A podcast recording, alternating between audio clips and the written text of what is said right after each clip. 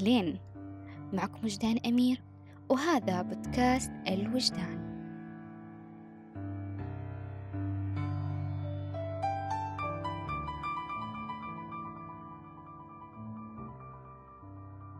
يتمحور بودكاست الوجدان عن تعريف وتفسير المشاعر الأساسية للإنسان وتأثيرها علينا من الناحية الصحية.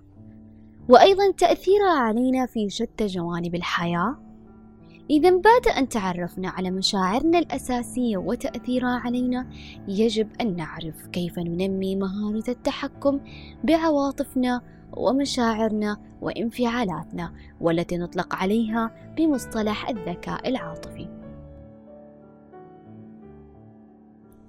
سلام عليكم يا أصدقاء وعلى مسامعكم العذبة. مساء يحيا فينا بالخير والتفاؤل. وفي هذه الأمسية سنبحر في بحر المشاعر ونرسي عند تساؤل جديد. ما هي عجلة المشاعر؟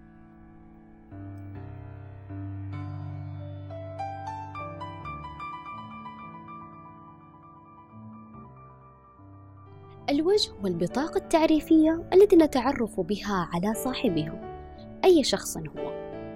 أهو انبساطي متفتح مستبشر ضاحك أم انطوائي مفكر؟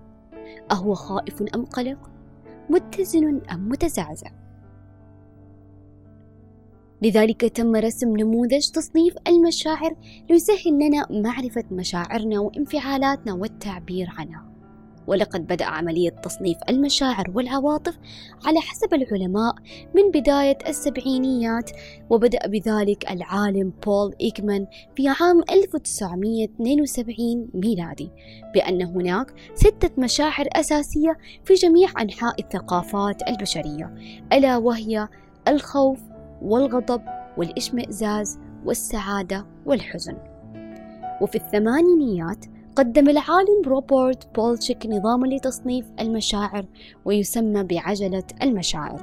واقترح فيه ثمانية مشاعر أساسية ورتبها في أزواج متقابلة وهي السعادة مقابل الحزن الغضب مقابل الخوف والثقة مقابل الإشمئزاز والترقب مقابل المفاجأة. أظهر هذا النموذج إمكانية دمج المشاعر المختلفة مع بعضها بطريقة تشبه تلك التي يمزج بها الفنان الألوان الأساسية لإنشاء ألوان أخرى. إذا ماذا نعني بعجلة المشاعر؟ هي تعد رسما تخطيطيا يستخدم عجلة الألوان لتوضيح العلاقة بين المشاعر المختلفة وتأثيرها في البشر لقد ابتكر عالم النفس روبرت بولشيك نسختين من هذه العجلة. إحداهما ثنائية الأبعاد والأخرى مخروطية ثلاثية الأبعاد. ابتكرها كأداة لتوضيح نظريته النفسية التطورية للعاطفة وهي واحدة من أكثر عجلات المشاعر شهرة وتعرف أيضا بعجلة بولشيك. عجلة المشاعر تدور وتسير مع سير الحياة. وتتغير كل شعور إلى شعور آخر. على أساس المواقف والمعتقدات والحالات العاطفية التي نواجهها. فمشاعرنا وانفعالاتنا تمثل كنموذج بياني يتفاوت ما بين خط انحناء مرتفع أو منخفض فنحن في حالة متغيرة دائما. أصدقاء المستمعين من أهم أهداف عجلة المشاعر هي مساعدة الأطفال لفهم مشاعرهم وانفعالاتهم وكيفية التعامل معها. فإن تعليم الأطفال التنظيم العاطفي ينطوي على مساعدتهم على تحديد ما الذي يحفز مشاعرهم الكبيرة وكيف يشعر الجسم ويستجيب لها وما يمكن القيام به في هذه اللحظة. وعجلة المشاعر هي أداة عظيمة للقيام بذلك تماما. فهي تساعدنا على تحديد وفهم مشاعر صغارنا في أي وقت من الأوقات كما ينبغي التحدث معهم عن كل عاطفة من العواطف على عجلة المشاعر ومناقشة ذلك بهدوء وروية من خلال بعض الأسئلة ما هي المشاعر التي نشعر بها؟ كيف يشعر جسدنا عندما نشعر بالغضب أو السعادة أو الحزن؟ وكيف تبدو وجوهنا وأجسادنا عندما ننفعل كيف يجب أن نتصرف في تلك المواقف؟ تنمو حواس الطفل وتتكون مشاعره وتبنى تماما مثل بناء جسده وتطوره. لذلك لا بد للأبوين من فهم واستيعاب طريقة نموها وكيفية تكوينها. فإن تعليم الأطفال مهارات تنظيم المشاعر والتعبير عنها أمر جدا مهم لأن عند حدوث قصور في هذا الدور قد يؤدي إلى مشاكل في سلوك الطفل نتيجة الخلل في تنظيم المشاعر وتطورها.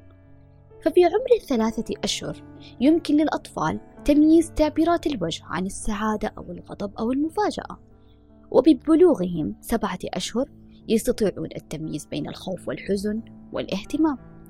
ثم يبدأ الأطفال استخدام تعبيرات الوجه والصوت والسلوك للآخرين لفهم ما يحدث حولهم.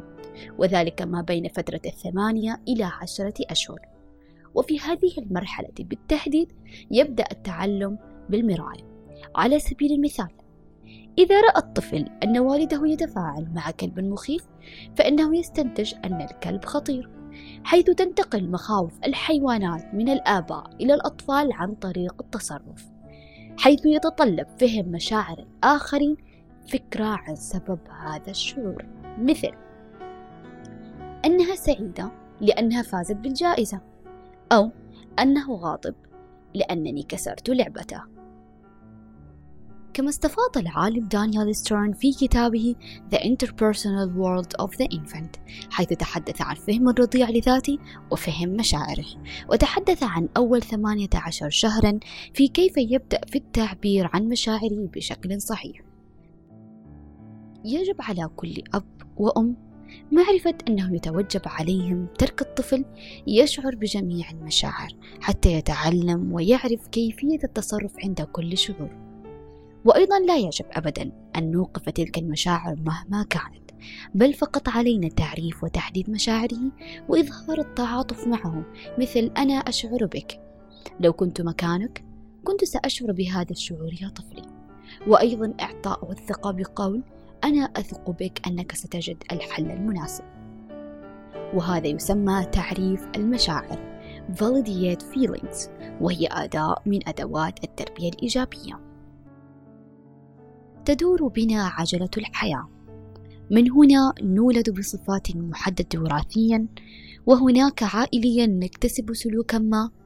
الجيد تعززه الفطرة والقبيح قد يزيله الوعي وبين هؤلاء نتأرجح في عجلة المشاعر. شكرا لحسن استماعكم. انتظروني بالحلقات القادمة فالقادم أجمل.